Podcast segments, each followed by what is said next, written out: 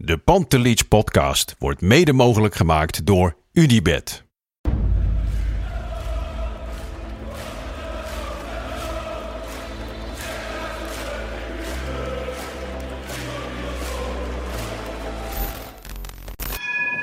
For me, they can have just lot of goals, lot of fun, and some some other things. De Jong, slim gespeeld. Is dit de beslissing? Dit is de beslissing, denk ik. En de kleine Nouri mag het doen. En hij doet het. En ook hij zet dus zijn debuut. Luister mij. Wij zijn Ajax!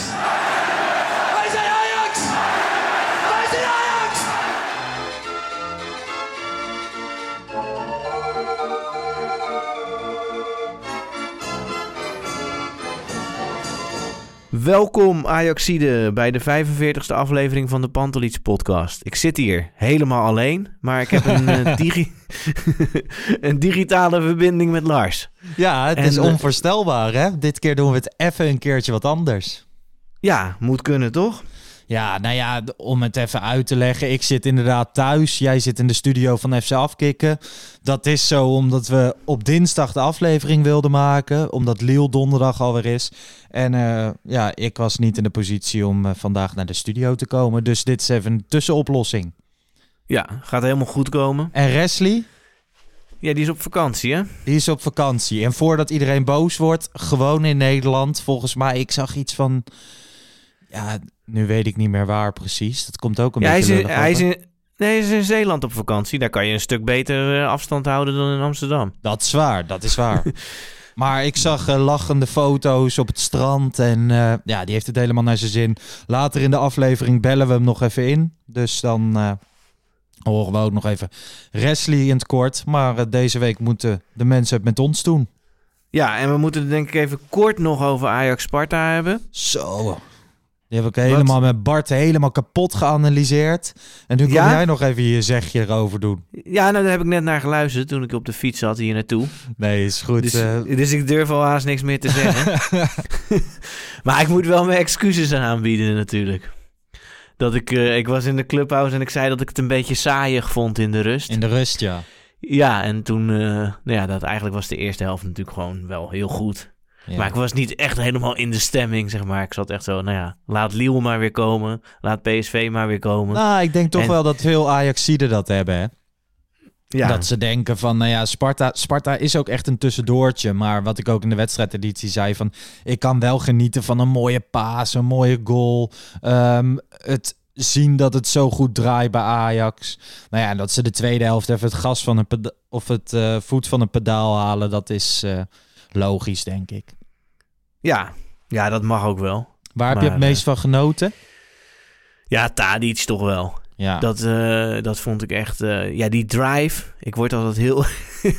ik raak altijd geïrriteerd als ze hem de Dirk Kuyt van Ajax noemen. ja. Maar, maar het feit is dat hij natuurlijk... Zeg maar, hij, heeft, hij kan ook echt goed voetballen. Mhm. Maar hij, ja, die inzet is ook fantastisch. Hij pakt het wel op. Hij is alleen, je zag bijna alles ging over links de eerste helft. En eh, ja, hij Ja. voetbalde fantastisch. Dus daar heb ik van genoten. Ik vond Gravenberg ook goed hoor. Ik, eh, wat ik leuk vind aan Gravenberg. Eigenlijk speelde Ajax de eerste 10 minuten helemaal niet zo goed. Nee, En dan zie je toch dat Gravenberg een paar keer het spel verlegt. Even die tweede man zoeken. Niet de, de meest eh, voor de hand liggende paas waar veel mensen staan. Maar even eentje overslaan. Iemand in de ruimte aanspelen. En daardoor kan Ajax in zijn spel komen. Dus dat is... Ja, dat deed Dat Ajax bij de eerste goal natuurlijk. Martinez deed dat ook met een lange bal. Hij sloeg gewoon een paar schijven over. En die. Sparta-verdedigers die stonden in een vijfmansverdediging.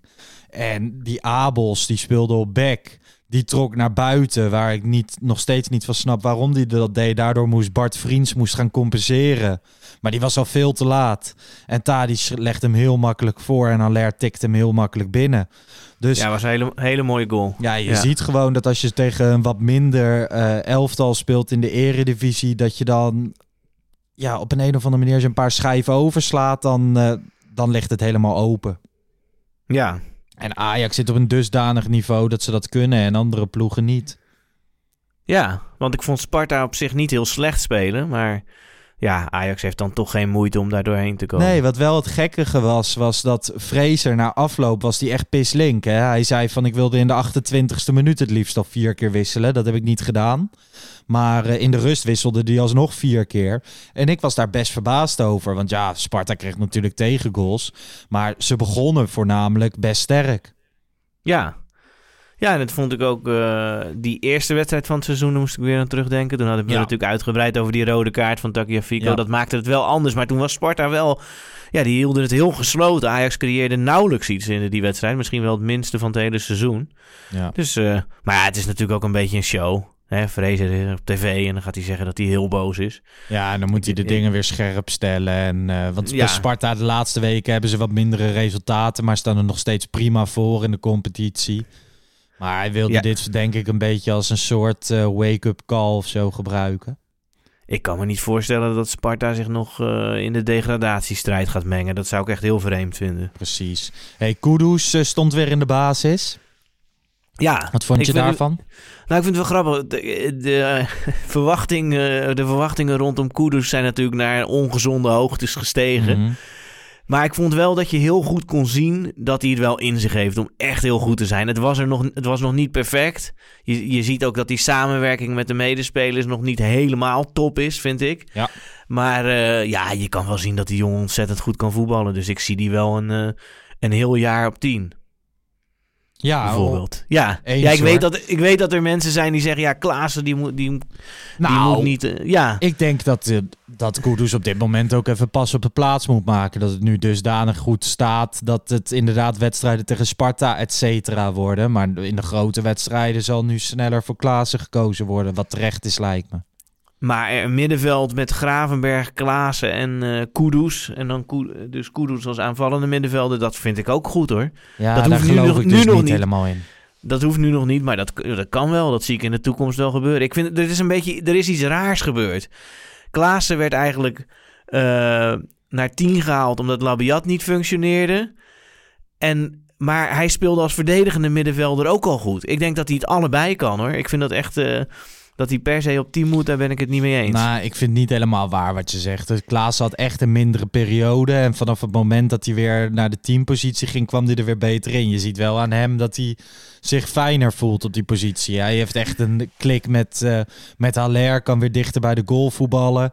Hij is nog steeds niet altijd de beste speler van het veld, maar hij is wel weer belangrijk. Ja, maar ik vind, toch dat, ik vind toch dat hij voor de team, zeg maar, soms misschien iets van creativiteit mist. Ik vind hem Te niet iemand die echt... in- ongepolijst. ja, zeg maar, je, je ziet hem niet in een hele grote drukte precies die paas op maat, zeg maar, eh, op een onverwachte manier geven, zeg maar. Dat vind ik toch bij hem minder. Dat nou zie ja, ik de paas tegen ja. Bobby. Ja, die was, ja, Dat was die, die, ja, die was mooi, maar ja, ik, ik zeg maar, dat, dat vond ik niet per se, eh, dat lag heel erg voor de hand, laat ik het zo zeggen. Ja, nou ja, ik verwacht Ja. niet Ja, dat was wel eh, goed. Ten Hag nu eh, bijvoorbeeld een Alvarez er weer uit gaat halen om eh, met zo'n middenveld zoals jij eh, zegt te spelen. Ik denk Nee, wel dat het dat- kan tegen de mindere in de eredivisie. Dus tegen de Sparta's, de Fortuna's. Al is Fortuna heel goed in vorm, dat weet ik mensen. Maar even voor duidelijkheid, ik vind niet dat hij dat nu moet doen, hè. Maar ik zeg alleen maar, zeg maar, in de toekomst zie, ik, zie, ik dat wel, zie ik dat wel voor me. Ja, tegen dat- mindere ploegen, maar ik echt niet tegen grote ploegen om eerlijk te zijn. Of echt niet, Nee. gewoon... Dan zou ik het anders neerzetten.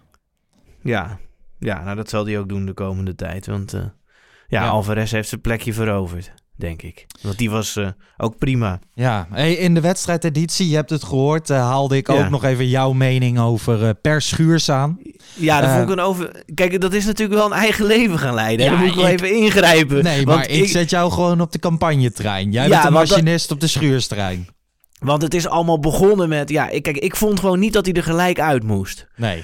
En dan, ja, dan word je aangevallen, zeg maar. Ja, en dan ga je argumenten vinden waarom hij erin moet. Maar het is niet dat ik nu helemaal ontevreden ben dat, Tim, dat Timber speelt. Ik vind dat terecht. En ik, vind- eh, dus ik bedoel, ik, ik deel die kritiek ook wel op Schuurs. Maar ik heb wel, en dat vind ik ook weer als ik dit hoor... soms zit er wel een bepaalde oneerlijkheid in. Want bij die eerste goal, ja, die wordt dan helemaal aan Schuurs toegerekend... terwijl Timber grijpt ook niet goed in. Martinez staat daar nog. Dus ja, die, die, vond, die hadden evenveel schuld bij die eerste goal. Ja, het fijne aan een wedstrijdeditie en een reguliere editie is, is dat ik uh, de wedstrijd meestal een dag later nog even in een, uh, in een samenvatting terugkijk. En, ja, en dat het is niet dat we snoeihard op, op schuurs gingen of zo, maar hij ziet er gewoon weer niet. Kijk, die andere twee zien er ook niet helemaal okselfris uit, maar hij ook niet hoor. Nee, maar ja, Kenneth Perez gaf hem ook gelijk de schuld van die twee goals. En dat, Ja. ik bedoel, ik vind echt niet dat hij nu nog moet spelen hoor. Ik, dat, is, dat lijkt me duidelijk. Alleen, ja, soms is hij wel een beetje de kop van Jut geworden. Ja. En dat, dat was misschien wat veel. Maar hij hoort nu op de bank. En eh, ja, of hij dan nog een keer een tweede kans krijgt, of eh, dat hangt ook een beetje van blessures af. Ja. Vind ik eigenlijk ook voor Neres, dat vind ik ook dat hij nu een beetje te kritisch wordt eh, bejegend. Kijk, ja, laten we het daar nog, laten we als we richting Lille gaan, een beetje even nog over Neres hebben. Oké, oké, gelukkig. ik denk dat dat dat die daar die discussie beter thuis hoort. Hey, ik, ehm, ik besloot even in de telefoon te of mijn telefoon te pakken en Bart Vriends even te bellen. Hij heeft natuurlijk tegen Ajax gespeeld en ik vroeg hem van hoe is het nou eigenlijk om tegen Sebastian Haller te spelen?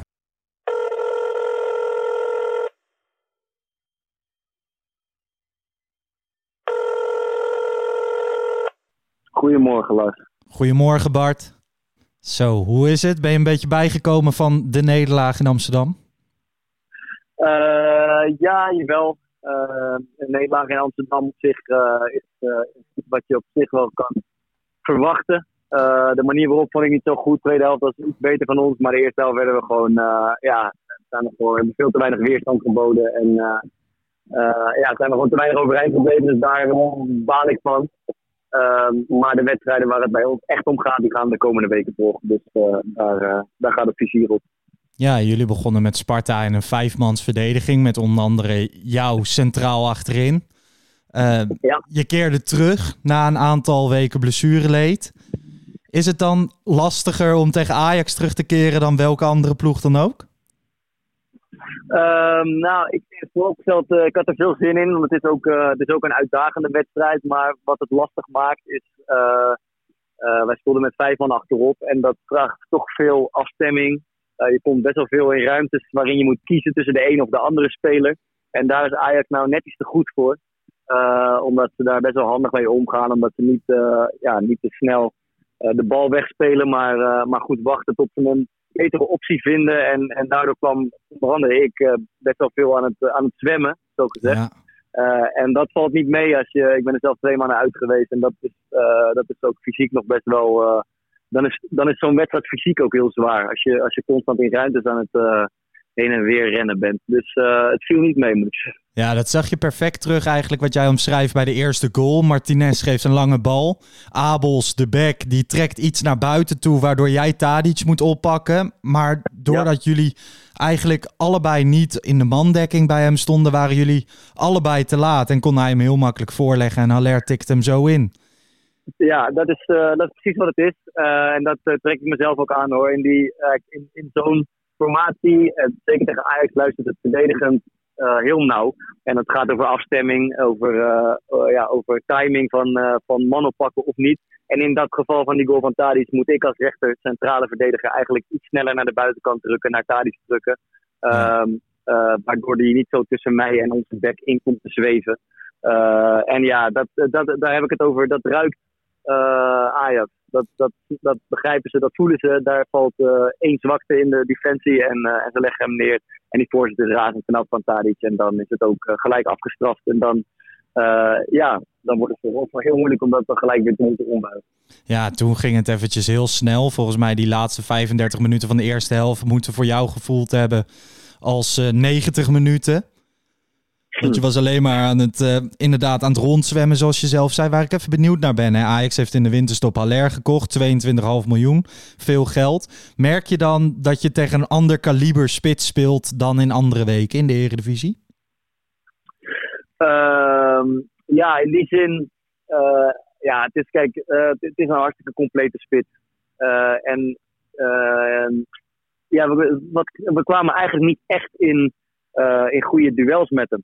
Eh, en dat is het verdienste van Ajax eh, waarschijnlijk. Maar eh, ja, hij, hij maakte op mij een. ik weet dat er nog wel, eens wat kritiek is op zijn, zijn inzet bijvoorbeeld. Maar ja, ik denk dat de Ajax-supporter hartstikke blij moet zijn met een spits van dit kaliber. Want ja, hij maakte een hele complete indruk op mij. Groot bereik, veel lengte. gevoel voor de ruimte staat natuurlijk ook op de juiste plek een, een aantal keer tegen ons. Ja, Ehm, eh, technisch handig, eh, kan anderen laten, eh, laten meevoetballen. Dus ja, gek veel completer zie ik het niet rondlopen in de Eredivisie. Nee, want er is vooral dan een klein beetje kritiek van als de tegenstander gaat opbouwen. Dus als jullie dat, dat doen, dat hij niet, niet genoeg loopt of aanjaagt. Maar in mijn ogen heeft dat ook te maken met een, een goede spits loopt goed. Dus dan hoeft hij niet al te veel aan te jagen. Ja, dat is voor, eh, voor mij wel moeilijk om, om in te schatten. Want eh, ja, zij, zetten, zij hebben ons redelijk eh, snel vastgezet. Ja. En er was nog wel een optie, er was nog wel een meter of, of, of acht of tien om, om toch die eerste opbouw te verzorgen. Maar wij kiezen er dan al snel voor om niet in het mes van Ajax te lopen. Dus het, was, het werd ook niet zo gevraagd van hem om, om heel veel druk te zetten. Maar ik heb, ik heb niet heel veel luiheid ondervonden eigenlijk, moet ik zeggen. En als het al wel zo is, dan is er met Tadic, Klaassen en, en Gravenberg bijvoorbeeld genoeg fit en, en tempo om, eh, eh, om alsnog eh, aan aanjagen te doen. Ja, ik zat nog even naar, jou, naar jouw cijfers te kijken. Je hebt twee kopduels gehad, eentje daarvan gewonnen. Twee tackles, twee keer succesvol. Je cijfers zijn niet, eh, zijn niet eens heel slecht na 45 minuten Ajax uit. Eh, nou ja, dat, eh, Dus daar kan je jou vasthouden. Daar kan ik wel vasthouden. Nee, het, eh, het, Precies. eind- het eindresultaat was een, eh, was, een, eh, was een ingewikkelde wedstrijd die je kan verwachten hoor, tegen Ajax. Maar het was een ingewikkelde wedstrijd ehm, waarin wij niet hebben kunnen stunten en waarin we een maatje te klein waren. Ja. En dat, dat, ja, dat, dat, is, dat is niet anders, maar voor ons zijn andere wedstrijden gelukkig van, van grote belang. Ja, nou ja, thanks. En ehm, de Core Podcast deze week. Jullie maken nu een politieke serie. Kunnen we nog even pluggen in onze podcast. Mag je al zeggen wie er deze week te gast is? Eh, ja hoor, daar hoeven we niet geheimzinnig over te doen. We hebben de lijsttrekker van het Forum voor Democratie. Eh Thierry Baudet komt bij ons langs. Eh, dat wordt ook een eh getouwtrekkend en ingewikkeld gesprek, maar ik kijk er ook naar uit. Dus ga, ga dat luisteren. Speel je liever tegen Haller of tegen Thierry Baudet? Dat is wel een mooie. Dat is een hele goede vraag. Eh, eh, dan, eh, nee, dan kies ik toch absoluut voor het voetbalspelletje en voor de uitdaging tegen Haller. Oké. Hey Bart, veel succes de komende weken met Sparta in de wedstrijden waar het om gaat. En thanks dat je even wat wilde zeggen over Haller en Ajax. Oké man, dankjewel. Fijne uitzending. Thanks. Hoi hoi. Yo. Ja, Bart Vriends, de verdediger van Sparta, had eh, onder andere te maken met Tadic en Haller. Was een paar maanden geblesseerd geweest en stond dan opeens tegen de twee, eh, twee van de beste spelers van de eredivisie. Eh, had het lastig, werd ook in de rust gewisseld. En ik denk dat heel Sparta blij was toen de 90 minuten erop zaten. Hadden nog geluk dat Ajax een beetje rustig aandeed in de tweede helft. Laten we naar het volgende onderwerp gaan. Extra power van Ajax op Sako Nana, Chris. Ja, ja, en het advocatenteam, het begint bijna Am- Amerikaanse proporties aan te Ja. nemen, is bekend geworden. Dolf Segaar, die eh, wel vaker wat voor Ajax doet. Ja. Eh, en ook eh, bekend is in de dopingzaken. Mhm. Ehm, voorzitter geweest van de Nederlandse dopingautoriteit. Die gaat het doen. Ik neem aan dat er op zijn advies is er een advocaat uit Madrid ingehuurd. Javier Ferrero, die ook bekend is in bij zaken met het kas. En dat wordt dan nog aangevuld door Ivo Trijbits, die al eh, jarenlang eh, de vaste jurist van Ajax is. Die gewoon bij Ajax werkt, de huisjurist. En die gaan het eh, doen Dat zijn de boys. Ja, en nee, ja, ja, goed. En nee, dat, dat is, ik vind dat slim, zeg maar, dat je zo in zo'n internationale zaak een Spaanse ervaren advocaat Ja. inhuurt. En eh, nou ja, ze liet ook wel, eh Segaar werd geïnterviewd, die liet ook wel doorschemeren van ja, het is gewoon de bedoeling om de strafmaat omlaag te krijgen. Ja, Dus een kortere schorsing. dus dat het bijvoorbeeld zes maanden is, of dat hij vanaf begin volgend seizoen wel weer mag keepen. Ja, ja, Ja. dus dat, eh, nou ja, goed, eh, laten we hopen dat het dat wordt, zullen we maar zeggen. Dan, nou, eh, ik, Ja. ehm, ik ben natuurlijk wel een beetje bekend geworden als de rechtbankverslaggever van F zelf. Rondom de zaak Cambuur en de Graafschap, die toch wilden promoveren afgelopen seizoen toen de KNVB had besloten geen promotie en degradatie door te voeren. eh, deed Dolf Segaar de zaak namens de clubs. Dus namens Cambuur en de Graafschap. Toen heb ik eh, twee dagen in de rechtbank gezeten. één keer 3,5 uur en één keer vijf minuten. Eh, hij slaagde niet in zijn missie. Dat is het Nee, enige maar- wat ik voor conclusie uit kon halen. Ja, hij had ook moeilijke kaarten. Ja, da- ja, dat is aan jou om even uit te leggen. Van oké, Ja, nou is ja, die dolfsigaar, is dat wel een beetje een goeie? Ja, dat denk ik wel. En eh, ja, om, om het te zeg maar, eh, soms eh, als je met mensen uit de sportwereld zit, die vergelijken rechtszaken met een soort boksgevecht of Mhm. zo. Maar dat is natuurlijk heel anders. Het gaat om de positie en het, het is gewoon heel lastig geweest voor die clubs om de KNVB te over, overruled te krijgen. Want in principe had de KNVB gewoon die vrijheid om die beslissing te nemen. Dat stond gewoon in de reglementen. Ja. En nog steeds. Dus ja, dan moet je wel iets heel bijzonders hebben, wil het dan alsnog lukken. Dus ja, ja dat, eh, ja, ik, ik, eh, dat- zeg maar wat daar toen is gebeurd, is voor mij geen reden om eh, geen vertrouwen Nee, te hebben in Dolfsegaar. Maar- dat, eh, Maar jij moet mij vooral even vertrouwen inspreken van... Ja, die dolfsigaar, die kan deze klus wel klaren. Ik Ja, heb natuurlijk alleen maar louter teleurstellingen gehad bij hem. ja, was je heel teleurgesteld toen Cambuur niet promoveerde? Nee, maar nou, ik had Ja. op een gegeven moment... Ik kreeg wel eens een beetje sympathie toen destijds voor de Graafschap en Cambuur. Oh, zeker. Ja hoor, dat eh, had ik ook. Ehm, maar eh, ja, ik- vind het heel lastig. Kijk, we weten ook niet wat die uitspraak... Er is een gemotiveerde uitspraak van de UEFA. Nou ja, dat, dat zou ik al wel eens willen lezen voordat ik er iets van kan vinden. Ja. En eh, ja, dus je hebt geen stukken, dus het is heel lastig om er iets van te vinden. Ik Ja. snap dat Ajax dit doet. En eh, Hey, Ja, ik zie dat ehm, Ajax nog geen officieel appel bij het KAS heeft ingediend. Daar hebben ze tot 8 maart voor. Wat is dat? ja, het is gewoon het hoge beroep. Dus zeg maar, dus eh, te zorgen dat die kasprocedure begint. Dat is de, die termijn is drie weken vanaf dat de Ajax de gemotiveerde beslissing heeft ontvangen. Nou, dat moment weet ik niet, maar kennelijk ligt dat drie weken voor 8 maart. Ja. Dus, dat is, dus eerst werd het bekend hè, en eh, kennelijk hebben ze kort daarna hebben ze de gemotiveerde beslissing ontvangen. ja. En dan kunnen ze nu eh, be- beroep instellen. En ik weet niet, weet jij, heb jij enige tijdindicatie, zeg maar, hoe lang duurt dat allemaal bij zo'n kas? Nou ja, dat kan eh, in een spoedprocedure, dus het zou vrij snel kunnen, maar het zal toch nog wel enkele maanden zal het wel duren, denk ik. Oké. Dus eh, ja, er moet ook nog een uitspraak komen. Dus Nou ja, Chris, hou de ons vooral op de hoogte, want eh, jij bent degene met de meeste expertise. ja, nou zeker. Ik, als er nieuws is, dan laat ik het weten. Vorige week de halfjaarcijfers werden bekend van Ajax. Ja, Ehm, ben je er ook goed met cijfers? Of heb je dat niet per definitie als advocaat? Nou, nou niet, nee, sterker nog, er is een, ge- er, een gezegde, eh, oud gezegde, dat juristen niet kunnen rekenen. Dus eh, niet per se, maar ik, vind die, ja, ik volg dat altijd wel, die jaarcijfers. En ik vind het wel interessant. En eh, ja, het is misschien, het neemt iets van de romantiek weg, maar het is natuurlijk zonder meer waar dat het geld heeft een enorme invloed. En eh, het, eh, ja, op lange termijn levert dat ook altijd eigenlijk wel resultaten op. Als je veel geld hebt. Zeker. Dus- Dan, ja, nou dus- ja, dat zie je nu aan Ajax. Maar de halfjaarcijfers waren niet heel erg rooskleurig. Nou ja, dat was een beetje. Ik moest een beetje denken, zeg maar, aan allemaal kinderen die van heel ver naar school fietsen. En dan zeggen: Ja, ik moest door de storm. En dan komt Ajax met een taxi. En die zegt: Ja, het, was, ja, het regende hard, hè, toen ik van de taxi naar de ingang liep. Ja, Ik krijg bedoel, je dat ah, erbij? Ja, dat gevoel heb ik er wel een beetje aan overgaan. Kijk, ik, ik bedoel, ik wil het ook niet bagatelliseren. Ajax kan ook in de problemen komen door de coronacrisis. Maar ehm, er is, eh, ja, Ajax heeft gewoon winst gemaakt. En, en veel winst. Ja, op basis eh, van transfers die normaal daar Ja. dan... eh, of als je Ja, ze niet meetelt, hebben ze verlies, hè? Ja, een klein operationeel verlies van anderhalf miljoen of zo. Nou, dat is niet de bedoeling. Dat gebeurt normaal niet als Ajax Champions League speelt. Eh, dat is nu wel gebeurd. Dus ja, het heeft invloed. Maar ja, als je 38,5 miljoen winst maakt in een half jaar...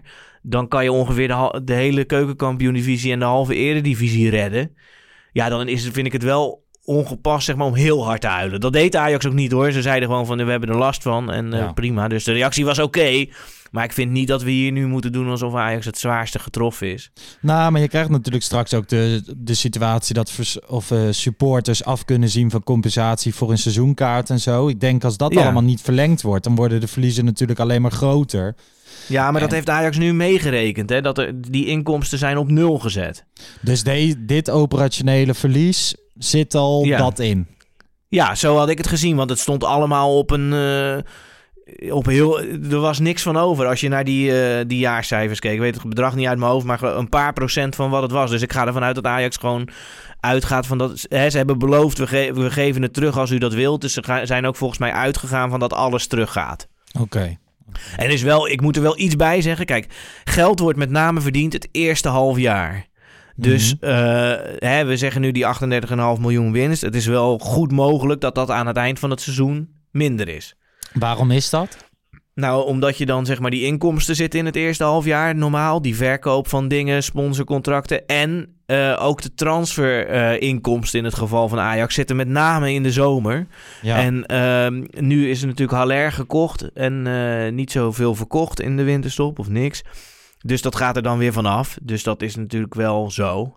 ja. Maar eh, ja, en ik leg het hier maar gewoon even neer. En misschien heb jij een zin om er een mening over te geven. Nee. Maar, nee, maar, nee, maar even iets. Het volgende Ajax heeft 38,5 miljoen winst gemaakt. En heeft nu in de derde NOW-regeling 2,9 miljoen gekregen. Ja, dat zag ik ja. En over de Ja. NOW-regeling heb jij natuurlijk al een keer gezegd van ik vind dat Ajax dat terug moet geven. Volgens mij was toen destijds ook het idee van dat Ajax het terug ging geven, toch? Terug ging Ja. storten. ja, ik moet heel eerlijk zeggen, ik heb me nu voor deze uitzending niet super in verdiept. Maar het idee is volgens mij dat het heeft te maken met omzetverlies en hoeveel dat dan is.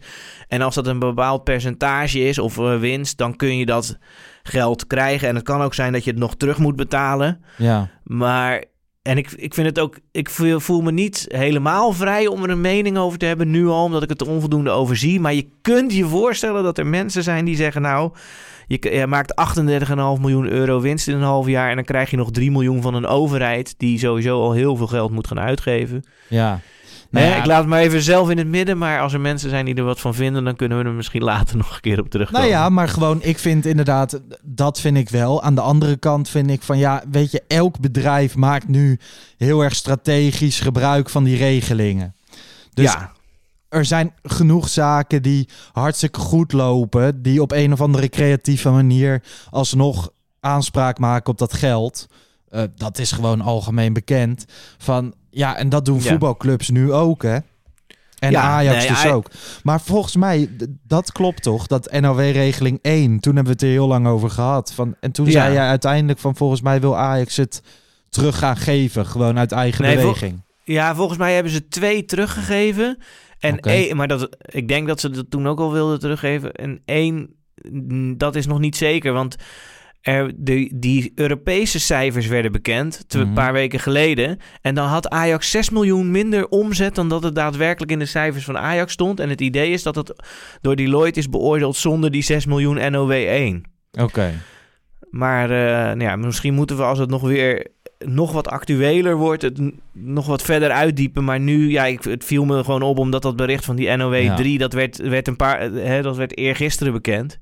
En die halfjaarcijfers vorige week, ja, dan zit je daar toch naar te kijken en dan, ja.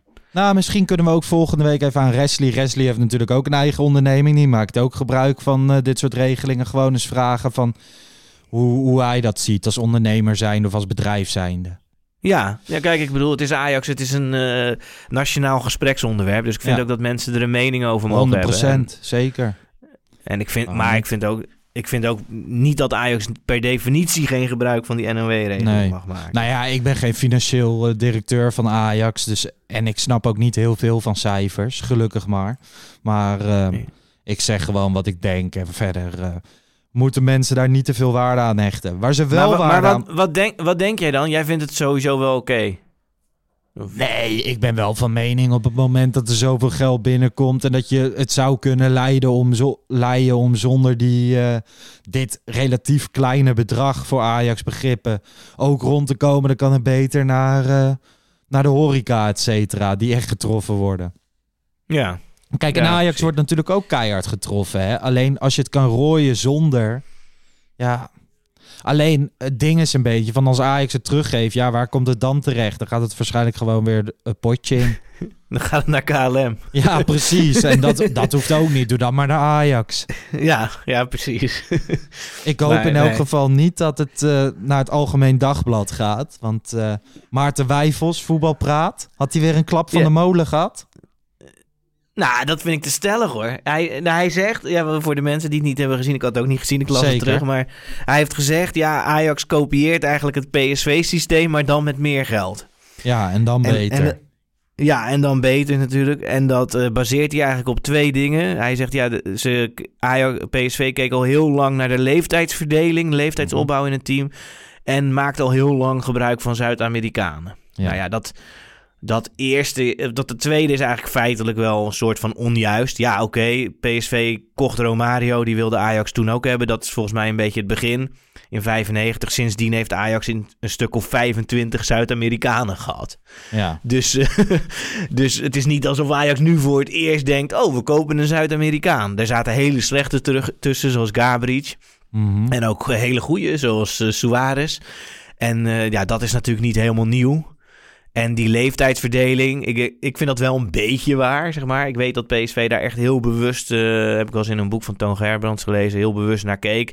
En je kunt wel zeggen dat bijvoorbeeld de aankopen van Blind en Tadic, dat die on-Ajax waren, omdat die op een relatief late leeftijd werden gekocht. Ja, maar En dat is toch een wijziging, een eigen visie. In, in de zin van Ajax gaf nooit heel veel geld uit. Frank de Boer Nee. moest het met echt minimale transferbudgetten doen in die tijd. Ja, dan kan je beter jongere spelers kopen die mogelijk heel veel geld opleveren. En als je jong bent, ben je sowieso nog goedkoper. Want Ajax haalde dan relatief onbekende spelers, niet de grote toptalenten.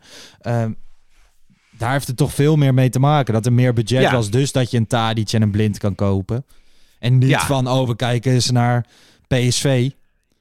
Nee, ja, Ajax heeft natuurlijk sowieso niet naar PSV gekeken om dit te verzinnen. Ze hebben gewoon op een gegeven moment gedacht, ja, we moeten wat meer ervaring in de ploeg hebben. Ja.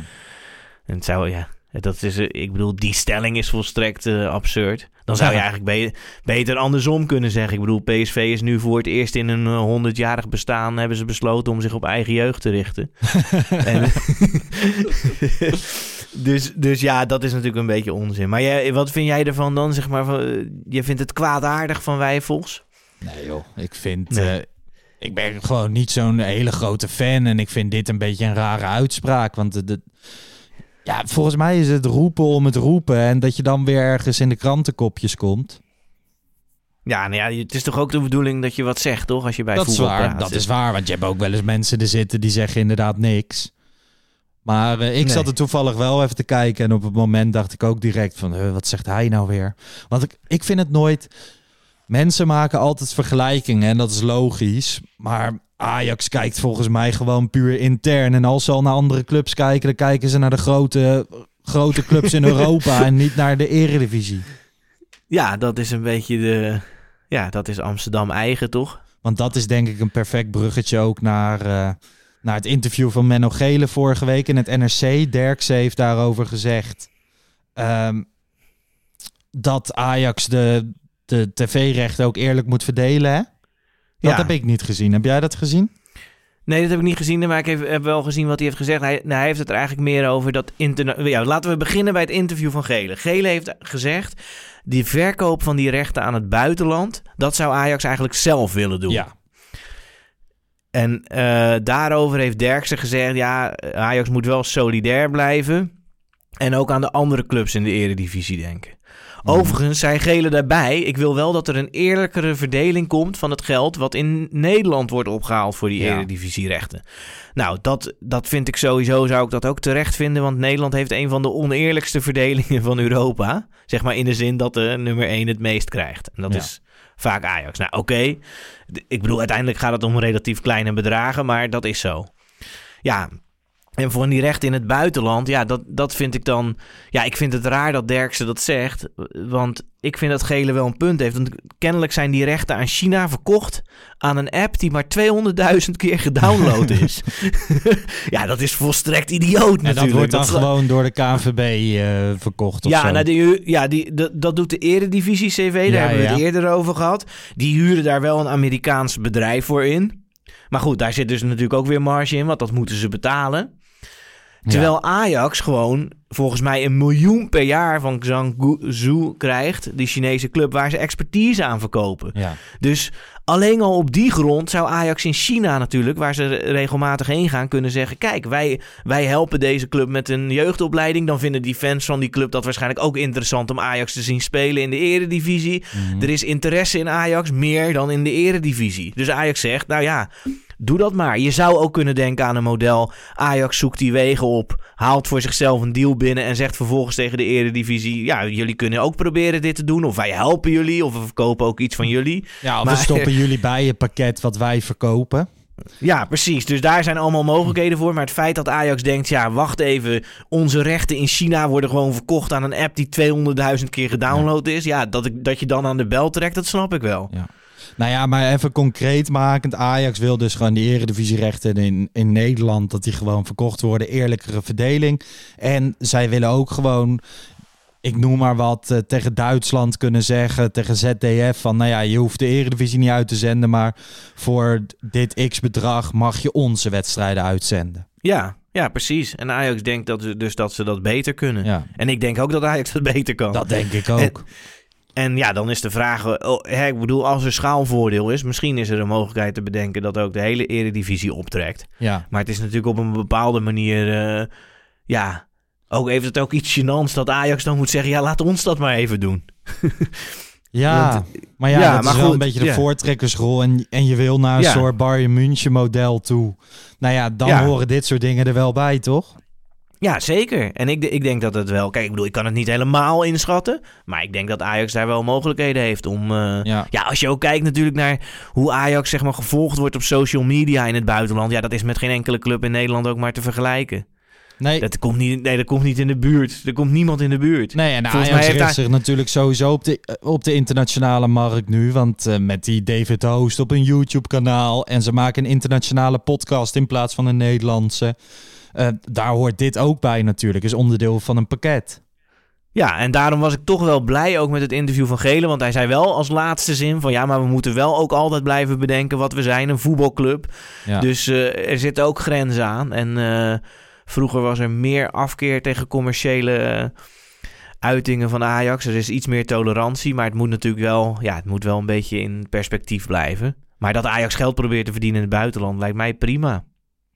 Ik denk dat de Ajax-supporters, eh zolang er spelers als Haller, Tadic en Blind worden gekocht... eh, dat ze vrede hebben met eh, commerciële deals, toch? Ja, dat denk ik ook. Maar er zitten natuurlijk wel grenzen aan. Zo- Zo'n tunnelclub. Dat zijn Ja, dan wel ja, dingen ja, waar sommige mensen ook kritiek op hebben. Ja, Nou, ik vond, die, ik vond die tunnelclub nog ineens, eh nog ineens zo erg. Maar ik vond die glijbaan in de klassieker van Ziggo. daar in die hoek van het stadion. Ik zei echt, al krijg ik een ton, dan ga ik nog niet van dat ding af. Nee, en, dan En- moet, die moet er... Ja? Stel Menno Gele stond daar met een ton. Dan zag je mij zo die glijbaan af, afroetsen hoor. daar niet van, maar... Nou ja, je moet ook kijken wat het waard is. Kijk, zo'n eh, zo'n glijbaan, dat zit wel in het zicht. En, maar dat is... Ja, daar krijg je wel een, circusgevoel van. Ja, ja, Ja, dat dat is toch er- geen speelparadijs? Nee, dat er mensen in zo'n tunnelclub zitten. Ja, ik heb daar zelf niet zoveel last van. Nee. Zolang ze mij met, lekker met rust laten, vind ik het prima. Ja, en als ze er goede bedragen voor betalen, dan is Ja. dat toch... eh, ja. Zou jij in Dus- de tunnelclub willen zitten? Ja, ik zou dat best doen. Dat je even lekker ik- een hapje kan eten. Dat je even naar Daily Blind kan zwaaien. Terwijl Daily Blind jou niet ziet. Ja, ik heb niet een hele sterke behoefte om naar Daily Blind te zwaaien, maar ik zou het sowieso leuk vinden om het een keer te zien, zeg maar. Ja. Nou, En eh, ja, maar ik zou er niet hele grote bedragen voor over hebben. nee, maar ik bedoel meer van. Ik sta, ik sta liever met mijn vrienden een biertje te drinken in het supportershome. En gewoon op, op mijn plekje in het stadion. Dan stel ik zou gratis naar de tunnelclub mogen. Voor een heel seizoen. Dan zou ik zeggen nee, ik blijf lekker met... Het is gewoon niet mijn ding. Maar dat anderen het leuk vinden en dat het goed is voor sponsoren en zo. Nou ja, lekker doen. Maakt mij wat uit.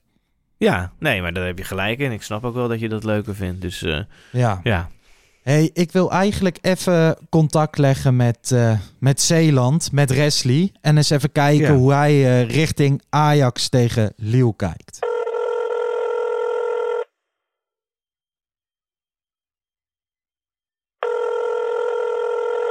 Goedemorgen Lars, goedemorgen. Hey Wesley, goedemorgen. Hoe is het? Heerlijk, heerlijk. Ik, ik kom helemaal tot rust hier. Ik ben een weekje weg. Ehm, we zijn met het gezin even een weekje naar Vlissingen. We zijn 30 seconden van op het strand met ons huisje. En ik kan je vertellen, dit is echt aan te raden voor iedereen. Gewoon, zeker in deze periode. Het is echt even lekker dit. Ja, ik zei, al, ik zei al tegen de luisteraars in de podcast en tegen Chris dat ik op Instagram zag ik allemaal lachende gezichten en zo, even ontspannen. En dat wij eh, dat eh, helemaal gunnen. Dankjewel, dankjewel. Ja, heerlijk joh. Ga je donderdagavond wel lekker Ajax kijken? Tuurlijk, tuurlijk. Kijk, elk huis waar je in zit, daar wordt gewoon uitgekeken. Maakt niet uit waar je bent. Dus eh, ook uit donderdag, absoluut. Ben je een beetje positief richting Liel? Zeker, dat was ik ook eh, bij de vorige wedstrijd. Ja. Eh, jij en Bart minder. ja. Ehm, met, met jullie voorspelling. Maar nee, ik ben wel echt heel positief. Ehm, kijk, we hebben, wij, wij als Ajax hier en uitsupporters hebben toch wel vaak ja, een trekje van klagen. Maar de reeks die Ajax neerzet is gewoon echt wel goed. En ook het spel tegen Lille, de vorige wedstrijd. Ja, het is gewoon terecht dat de 2-1 wonnen. Tuurlijk, die penalty was echt discutabel. Maar ja, toch, uiteindelijk zijn wel de terechte winnaar. Zeker, qua spel valt er helemaal niks op af te dingen. Toch? Ja. Absoluut. Maar het leek even Ja, mis ja. te gaan, maar dat was dan zwaar onterecht geweest. Absoluut, absoluut. En precies dat bedoel ik ook. Alleen ik ben wel benieuwd, want Lille speelt wel heel erg verdedigend, wat niet normaal. Ja. Eh, met heel veel man achter de bal. Ik ben wel benieuwd hoe ze dat gaan doen in, in Amsterdam. Want nu moeten ze eigenlijk komen. Ze Ik moeten gaan voetballen. Ja, maar gaan ze dat doen? Want kunnen ze dat of zo? Want ik, ik, ik heb niet het idee dat, dat, dat ze heel veel zin in voetballen hebben of zo. Nou, de buitenspelers en de spitsen die kunnen zeker goed voetballen. Ik denk alleen niet dat ze het vanaf minuut 1 gaan doen. Dat ze eerst gewoon hun eigen spel gaan spelen. En hoe langer ze niet scoren, hoe, meer naar voren ze zullen gaan spelen. En dan zal er ruimte voor Ajax komen, denk ik. Ja, ja, precies. En kijk, laten we één ding wel, wel even heel duidelijk maken. Ajax is in een hele goede vorm. Mhm. En het spel dat Ajax nu laat zien, ik geef ook vertrouwen. Dus Ajax kan prima de afwachtende, het afwachtende team zijn zonder dat ze echt terugzakken. eh, waardoor ze Lille moeten laten komen. Ja, ik, ik, ik heb er niet zoveel heel veel. ehm, ik twijfel niet echt aan, aan of Ajax doorgaat eigenlijk. Jij wel? Nee, nee. Zeker niet. Ik denk eh, dat Ajax met deze uitwedstrijd, deze uitgangspositie, mag je dit niet meer weggeven.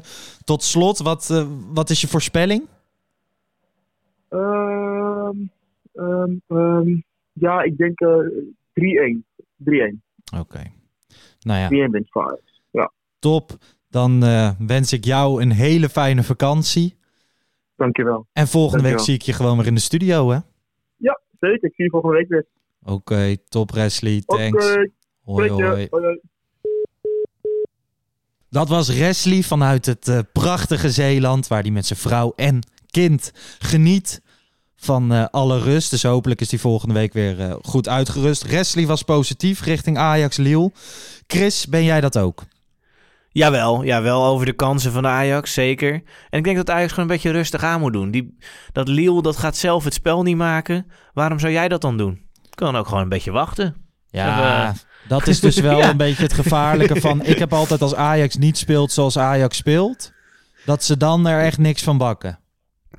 Nee, dat is misschien ook zo. Het, ik bedoel, het zit nu goed in elkaar. Er is een winning mood. Maar ik zou niet echt eh, alle sluizen openzetten. Nee, zeg maar. natuurlijk niet. Je staat 2-1 voor. Lille moet inderdaad komen. Is van oorsprong een eh, counterploeg. In Frankrijk moeten ze het spel wel eens maken. En dan soms creëren ze nog steeds niks. Vorige week in de podcast die ik met Wesley opnam... zei ik trouwens de hele tijd Bre. En toen wist ik niet hoe ik het uit moest spreken. Maar het is Ja. dus gewoon Brest. Ja, dat had ik wel... eh, ja, het was jammer dat ik er niet bij was. Nee, dat had jij kunnen verbeteren. nou ja, ik, maar ik ben eh, ook niet zo goed in Frans hoor. Nee, ik kreeg er een DM'tje over. Hartelijk dank daarvoor. En, ehm, maar toen moesten ze het spel maken. En toen hadden ze heel veel de bal, zetten ze heel hoog druk. Maar creëerden ze eigenlijk alsnog geen kansen. Ik denk inderdaad, Lille zal moeten komen, zal moeten scoren. Ehm, ja, er gaat ruimte voor Ajax komen. En als er ruimte komt voor Ajax, zijn ze zo verschrikkelijk goed. Dat ik verwacht echt geen problemen. Nee, ja, maar ik denk dat Ajax sowieso... Ja, ze moeten, ze, zeggen ze dan. Maar Ajax zal gewoon de bal hebben. Ja, Ook, ook in het begin. En dan misschien op een gegeven moment in de tweede helft denkt Lille... we gaan echt... eh, ja, full pool. Maar in het begin zal Ajax gewoon de bal hebben. Ja. En eh, het is gewoon... Ja, Lille is een team wat weinig scoort en weinig tegenkrijgt. ja. Dus uh, ja, rustig met, aan. Met 2-1 is natuurlijk een perfecte uitgangs... Uh, de perfecte uitgangspositie. Um, Masroui en Taliafico um, zijn er waarschijnlijk niet bij. Die zijn... Nee. Uh, Ten Hag hield nog een slag om de arm, maar de kans dat zij spelen is, uh, is klein. Uh, hoe, zullen, hoe zal Ajax voor de dag komen? Ik denk Gravenberg keert natuurlijk terug van een schorsing. Dus dan zal je weer met blind op linksback gaan spelen, denk ik. Ja. En dus Martinez en Timber centraal. En als Masroui er ook niet is, denk ik toch dat hij weer kiest voor Rens.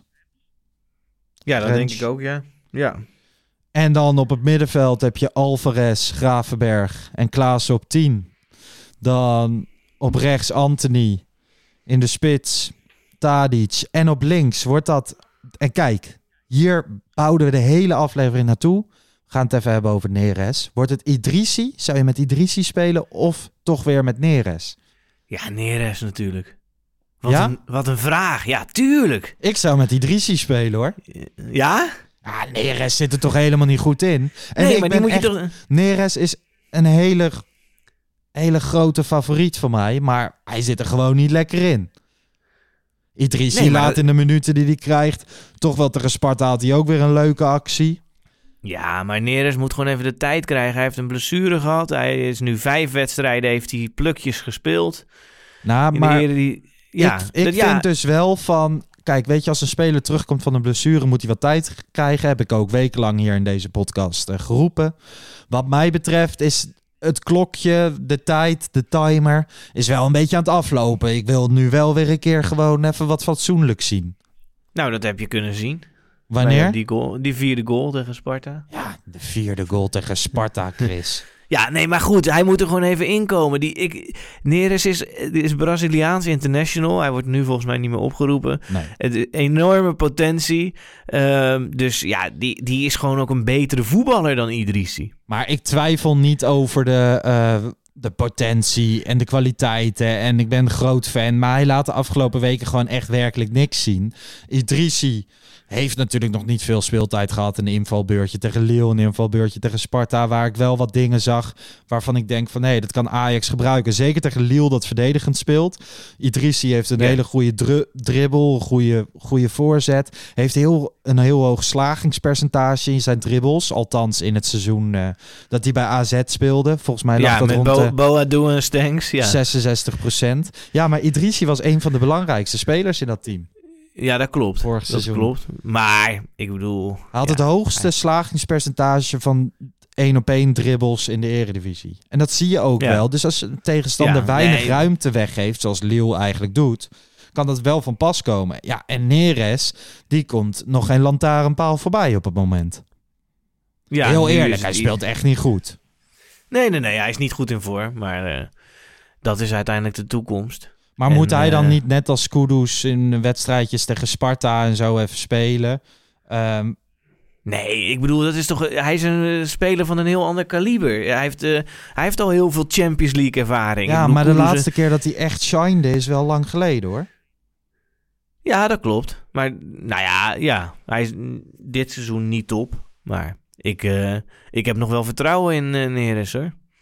En ja, Oké. ik, zou, ik zou hem altijd opstellen. Idrissi is toch gewoon als reserve gehaald? Maar nee, dat is niet waar. Dat is echt niet waar. Ja, Idrissi gaat niet van de bank van Sevilla naar de bank van Ajax. En dat Ajax heeft gezegd van... Nou, Hey, hoezo? Hij zat... Idrissi, Hij heeft- we heeft- hebben nog een goede reserve nodig. Kom jij maar. Nee, ja, ze hebben natuurlijk tegen hem gezegd dat hij gaat spelen. Maar hij dacht toch niet dat hij gewoon vanaf de tribune van Sevilla... of in ieder geval nooit op het veld staan... naar een basisplaats Ajax ging? Dat zal hij toch niet gedacht hebben? Ik bedoel, normaal Nee, staat Tadic maar- daar ook. Ja, maar nu is Tadic er niet. Dus dan, kan Nee, je, oké. dan is het wel een reële optie. En ik heb ook Ja. echt niet dat ik het niet meer zie zitten in Neres. Hè. Maar ik kijk puur naar deze wedstrijd. Van wie zou, voor wie zou ik kiezen? Nou, ik zou het wel leuk vinden om Idrissi een keer te zien hoor. Ja, nou ja, ik... eh, ik denk niet dat hij het gaat doen overigens. Ik denk dat hij met Neres Nee. op links speelt, Anthony op rechts, net als vorige week. Ja, dat lijkt mij eh, prima. Ehm, tot slot een voorspelling. Ja, nee, ik wil er nog één ding Oh. over zeggen. Want ik Ja. vond het enthousiasme echt na vorige week. Zeg maar, kijk, ik was wel heel... Ik vond die wedstrijd heel leuk en goed. Ja. Maar Ja, dit is natuurlijk. Er zitten nog wel ploegen in die Europa League die nog weer een stukje beter zijn dan Lille. Maar heeft toch niemand gezegd dat je nu de Nee Europa maar, League hebt gewonnen? nee, maar het, werd wel, het, het ging er wel over en zo. En ik denk dan, ja, als je gewoon eh, nu tegen Man United eh loodt of zo, dan. eh, Ja, maar Lille was wel op het moment dat je ging loten. Dus dan had je twee kanten. Hè. Je kon niet iedereen loten. De poolwinnaars en zo kon je niet loten. Dus United en zo, dat kon niet. Maar dan was Lille wel echt bij de top twee zwaarste lotingen. ja, voor die, ja, voor die pool. Ja, is gewoon koploper van de League A, wat echt geen misselijke competitie is. Nou, ik snap de euforie dan wel. Eh, Van tevoren waren heel veel mensen sceptisch en een beetje bang. En Onana was er niet bij en nog drie basisspelers niet. Als je dan ziet hoe het uitpakt, zowel qua resultaat als qua voetbal, dan, dan stemt dat toch wel tot positiviteit. Ja, nee, dat, dat zeker. Alleen ik, ik heb gewoon wel mensen gehoord en reacties gezien over eventuele eindzeges en zo. Nou, daar wil ik het echt nog niet over hebben. Er zitten Nee. nog zoveel echt sterke teams in die eh, Europa League. Nou, ik heb bijvoorbeeld gezegd van ik ben er wel van, eh, van overtuigd nu dat Ajax met dit team een sterke reeks kan neerzetten. Ik bedoel, je kan ook weer gewoon de volgende ronde tegen een soort Getafe eh, eruit worden geknikkerd, maar dat is Europees voetbal. Maar ik twijfelde misschien van tevoren zelfs wel een klein beetje aan de potentie na, na de Champions League pool. Maar ja, deze wedstrijd tegen Lille laat toch wel even zien voor mij in elk geval dat er best een leuke reeks in kan zitten. Zeker. Nee, en met dit team kan je ook door in de Champions League eh, volgend jaar in de pool, bijvoorbeeld. Dus ik ben, ik ben niet eh, negatief, maar het ging nu een beetje... Ik vond het een beetje te ver gaan qua positivisme. Maar ik ben wel blij met dat dit kan. En ik, dat, die uitschakeling van Katafe, daar heb ik echt eh, hele slechte herinneringen aan. Ja, dat joh, vond ik echt, dat vond ik echt verschrikkelijk. Dat, Ja. dat trok ik misschien nog wel slechter dan die uitschakeling in die pool, zeg maar, dat jaar. Weet je, dat dacht je nog van ja, dat is ook, dat voelde oneerlijk en zo, maar dat waren nog wel gewoon goede ploegen. Ja. Maar dat Katafe, dat was zo verschrikkelijke ploeg. En eh, ja, je denkt wel, dat, je dacht toen ook, oké, we zijn nu een keer in de Europa League, dan hoop je ook gelijk dat het eh, ver, dat Ajax ver komt. Maar de, de luisteraar hebben we nu net, weet je wel, gewoon weer helemaal in die vibe van Lille en een mooie Europese reeks. En jij gaat even uitweiden over die wedstrijd tegen Getafe. Ja, dat moet ik misschien ook, niet, misschien moet ik ook niet doen. En we moeten ook gewoon dromen. Want ja, toen Ajax de Europa League finale haalde drie jaar geleden... toen had ik dat ook van tevoren nooit verwacht. Precies. Dus, en eh, weet je, alles moet samenvallen. Je moet een beetje geluk hebben. Dat is ook voetbal. En, eh, maar in elk geval, ja, de potentie is er. En Ajax heeft nu tien wedstrijden op een rij gewonnen. Dus is, eh, is op de goede weg. Ja, En dat is gewoon heel erg fijn om te zien. Ja, precies. En dan eh, in Eindhoven dan kan, je, kan de competitie afgemaakt worden. Ja, ja. Maar eerst voorspellingen voor Oh ja, dat wil je van me weten. Ja. Ik denk dat het eh 2-1 wordt voor Ajax. Oké, ik denk eh 3-0. En dat denk ik omdat Ajax dan op een gegeven moment op 1-0 komt. Dan gaat Lille een soort alles of niets spelen. En dat Ajax dan nog twee keer scoort. Oké, en wie gaan er scoren? Poeh. Ja, daar, daar ben ik eigenlijk nooit... Ik denk Klaassen, Tadic en Gravenberg.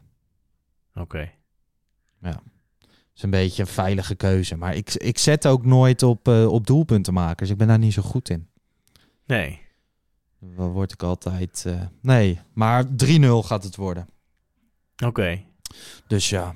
En dan na de wedstrijd zijn we er gewoon weer met een wedstrijdeditie. Bart Sanders en ik. En van tevoren en in de rust zijn we er weer op Clubhouse. Weer samen met de Pak Schaal podcast, hè, Chris. Ja, duidelijk. Dus, eh, Dus eh, ik denk... gezellig. Ja, ik denk dat Arco denkt dat, eh, dat hij al een ticket naar Gdansk moet boeken. Dus misschien kunnen we het daar dan even over hebben. Dat jij even die verwachtingen gaat temperen. Ja, ja misschien. ja, dat doet hij meestal toch? Wel, ja, daar baal je dan wel weer van. Zo, dat Gdansk, daar ben ik nog nooit geweest. Het leek me echt een leuke plek om heen te gaan in de finale. maar ja, eh, ja, goed. toch als, als uitje, dan eh, zo'n stad die helemaal nieuw is. Nee, dat is waar. eh, Ik snap wat je bedoelt hoor. Maar het klinkt Ja. gewoon niet heel erg, heel erg geil, toch? Gdansk. Nou, dat heeft best een mooi centrum volgens mij. Dat stadion is wel oké. Een beetje modern helaas. Maar ja, het lijkt me wel echt een prima locatie. Jij gaat ook van het een naar het ander. Hè? We- Eerst moeten we het daar nog niet over hebben. En vervolgens zit je de binnenstad uit te pluizen. Ja, ik heb wel even rondgelopen met Google Maps. Nee.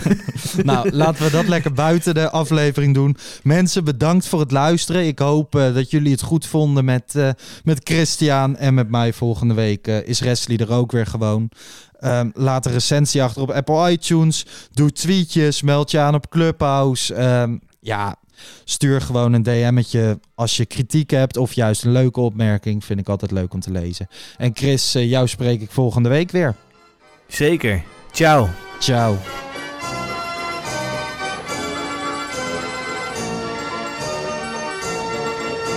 Let's go Ajax.